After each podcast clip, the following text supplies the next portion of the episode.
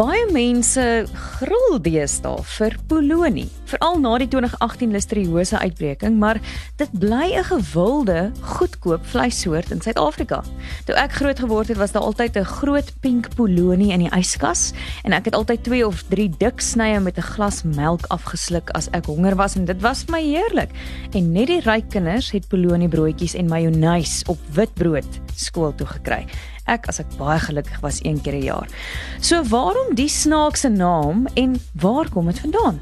Kom ons gesels Polonie. Hoe nou? Met Suan Miller Maree en Gerard van Huisteen. Hoe nou word moontlik gemaak deur afrikaans.com. Jou tuiste vir alles oor Afrikaans. Nou ja, baie welkom in die Polonie kolonie vandag. Ek dink baie mense sit nou in die kar of iewers en sê dis Polonie so aan. Polonie klink te veel soos kolonie. Hoe spreek jy dit uit, Gerard? Nee, so aan aan hierdie kant van die snelweg in Pretoria praat ons maar van Polonie, jy weet, okay. dis die Afrikaanse woord Polonie. ja. En nee, jy praat ook seker van Loyes Laan. Uh, hier in Pretoria, nê? Nee, so Polonie en Loyes Laan. Nee nee ja. nee, dis Loa Laan. Ja. En Rigel. Ja. Laan. As jy maar eintlik as jy in Loa Laan bly, dan praat jy van Polonie en as jy in Louis Laan bly, dan praat jy van Polonie. presies, presies. Maar dit bly 'n snaakse woord, nietemin. Wat het jy wys geword tydens jou soektog na die oorsprong van Polonie? Kom ons loop die pad terug in tyd. Afrikaans leen natuurlik die woord Polonie by Engels in 1845 reeds, né? Nee? Ja. 1845. Nou knoop daai datum net in jou oor. Ons gaan net nou terugkom daarby. Die woord is egter baie ouer in Engels. In die Oxford English Dictionary is die eerste sitaat al uit 1654 en in 1675 verwys onder andere daar in dieselfde asem na parmesan cheese. Nou dis vir ons 'n belangrike merker mm. want parmesan se kaas kom uit Parma en Parma is in uh, Italië. Presies. En nog 'n stad in Italië is Bologna. En dit is waar hierdie stuk vleis, hierdie stuk wors uiteindelik dan vandaan kom, kom uit die stad Bologna uit. Hoe kan iets so gesofistikeerd of hoekom kan iets so ongesofistikeerd in vandag se tyd uit so gesofistikeerde stad soos Bologna uitkom en dan belangriker is seker hoekom ons dan van die uitspraak Bologna tot by Bologna of Bologna. So dis dan nou maklik net die B word 'n P, dink maar aan goed soos web, nê, nee, of rib of rob of so, dis nie moeilik om 'n B in 'n P te verander nie. So dis in plaas van Bologna Bologna. Okay? okay? Mm. Bologna, Bologna. Nou in Engels daai ia aan die einde.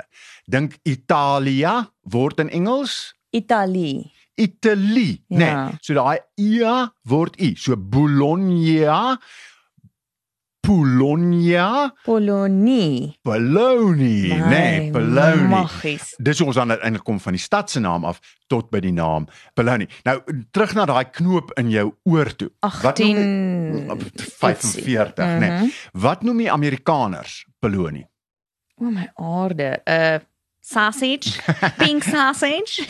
so bologna. Jy moet bietjie Friends kyk, né? Nee? Joey eet altyd 'n bologna sandwich. Ehm ja, um, so hulle noem dit bologna. So die oudste optekening is ongeveer in dieselfde tyd toe ons in Afrikaans Bologna by die Engelse gaan leen het, het die Amerikaners begin om te praat van Bologna. Maar hulle die B behou. Hulle die B behou in plek van die P wat ons dan in Brits kry.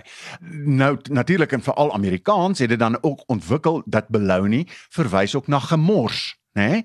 As jy nonsens praat, dan talk Bologna né? Mm -hmm. Of uh, that's a that's a that's bunch baloney. baloney. Presies. Ek weet ja. nie of hulle sê a bunch of baloney nie, but that's just baloney, jy weet.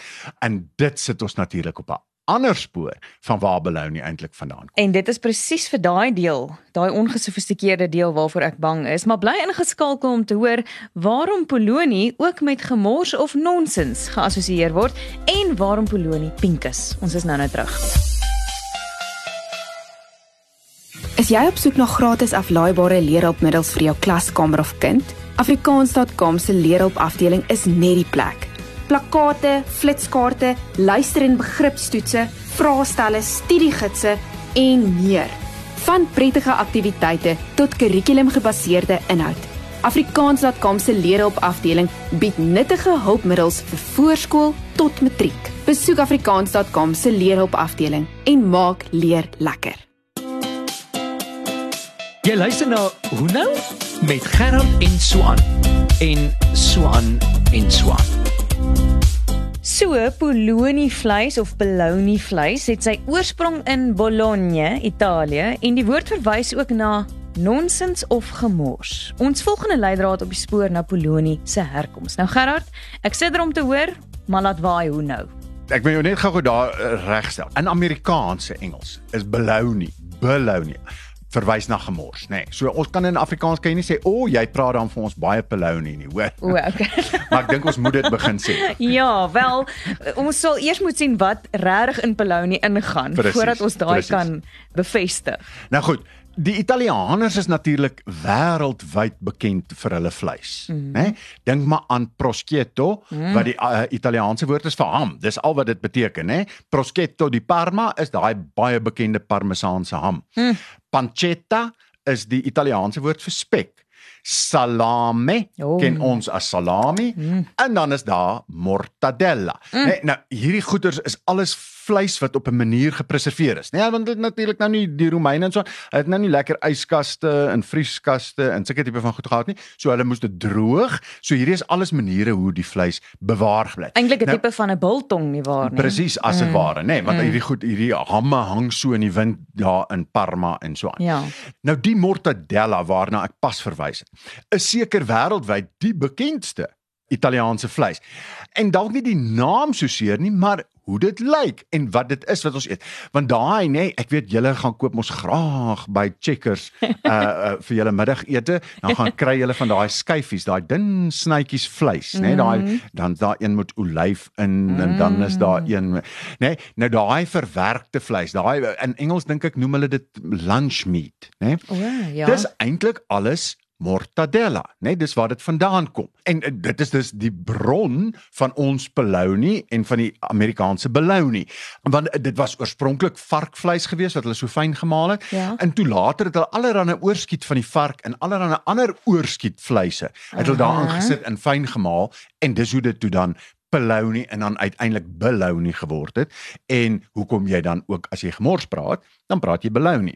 Want ek wou nou net gevra het, hoe gaan dit van hierdie gesofistikeerde olyfgevulde varkspek tot na 'n gemors konnotasie? So dit is as gevolg van die afval wat hulle partykeer dan nou ook daarin gesit het. Begin insit dit, nê, nee, met verloop van jare. Ek dink 'n Italianer kry 'n cholesterol aanval as hulle hoor ons sit allerhande gemors in in bologna nê. Nee.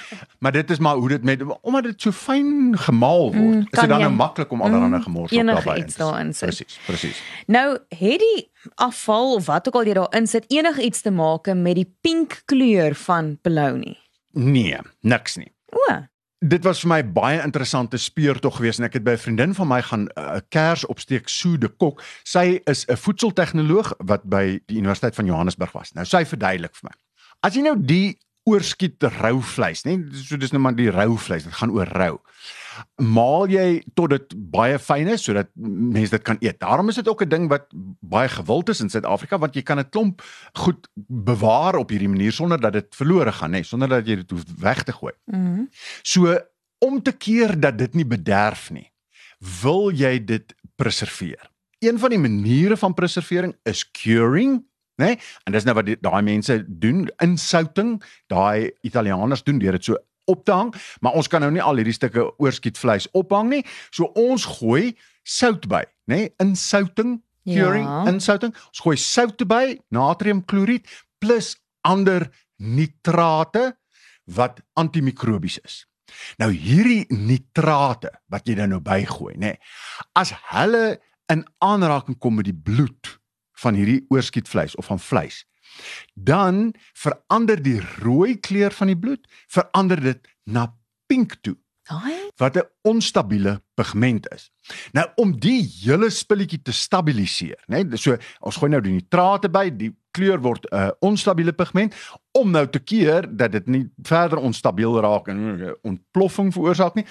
moet jy dan nou die polony verhit want daardie onstabiele pink uh, pigment moet dan in 'n stabiele pink pigment verander. En dan natuurlik die proses van verhitting en so aan dra ook verder by tot die preservering van van van die vleis. Sjoe. En dis hoekom jy polony ook dan nou rou kan eet, nê, nee? want dit is gaar gemaak. En so, baie lank in jou yskas kan hou. En baie lank in jou yskas kan hou. en dink maar daaraan as jy 'n gewone stuk vleis vat en jy maak hom gaar, dan word hy bruin. Hoekom word hy nie pink nie? Want daai nitrate is nie bygevoeg by daai stuk steak nie. So hy word bruin, maar die nitrate is bygevoeg by die polony en daarom bly dit pink. So kan ons dus sê dat daar baie meer nitrate in polony is as in vars steak. So ek dink nie daar's enige nitrate wat ek ek weet nie. Ek praat hier uit my duim uit. Uh maar dit gaan oor die bygevoegde nitrate. Maar is 'n nitraat nie 'n tipe van 'n sout nie? Mm. Okay, so daar is ten minste ons weet daar's baie sout in polony, bygevoegde Mm. sout of So nitrate. natriumkloried en dan ander nitrate, Ja. nê. En daarom kan ons sê dat Aerosmith waarskynlik baie van polony hou, want pink is his favorite color. Ons kan dus ook sê dat daar meer sout in polony is as in vars steak en dat hierdie ongesofistikeerde pink wors 'n baie gesofistikeerde herkoms het uit Bologna, Italië. En omdat jy soos 'n Tossie Logner uit Italië klink. Tyd vir luisteraars terugvoer. Nou ja, net 'n interessante opmerking. My vriendin is ook in voedsel in. Sy's 'n chef en sy het Ek is vorige ook in voedsel in, maar dit is net omdat ek so baie eet daarvan. maar sy het nou 'n graad in voedsel Mm, mm, buiten die lekker eet daarvan. Sy sê ook dat sy die voorreg gehad het om in Bologna, Italië te wees en dat mortadella blykbaar iets ongeloofliks is om dit daar te eet en dat dit vir haar 'n skok was om uit te vind dat dit die wortels is van wat ons vandag in Suid-Afrika ken as polony. En natuurlik vir hulle is dit nie een of ander snaakse ding om te eet nie. Hulle eet dit graag. Maar ek moet jou eerlik sê, ek het in my dae toe ek nog baie geëet het en so aan graag jy kon vir my 'n uh, yskas nie betrap sonder 'n pelonie in nie. Regtig. O, oh, lief vir 'n pelonie en so lekker op 'n broodjie. Wel, hy's ten minste goedkoper as mortadella, dit kan ons sê. Net een so. pizza met twee stukkies mortadella op en jy kan net een keer die maand eet. Nou ja, dis al wat vir ons tyd het vandag. Dankie vir almal se saamgesels. Jy kan so doen by info@hunou.co.za en vir die volgende episode onthou om in te skakel op jou gunsteling streeks radiostasie. Tot dan, cheers. Doodles. Hoe nou is saamgestel en aangebied deur Suan Miller Maree en Gerard van Huisteen en word moontlik gemaak met die tegniese ondersteuning van Marula Media en die finansiële ondersteuning van afrikaans.com. Jou tuiste vir alles oor Afrikaans.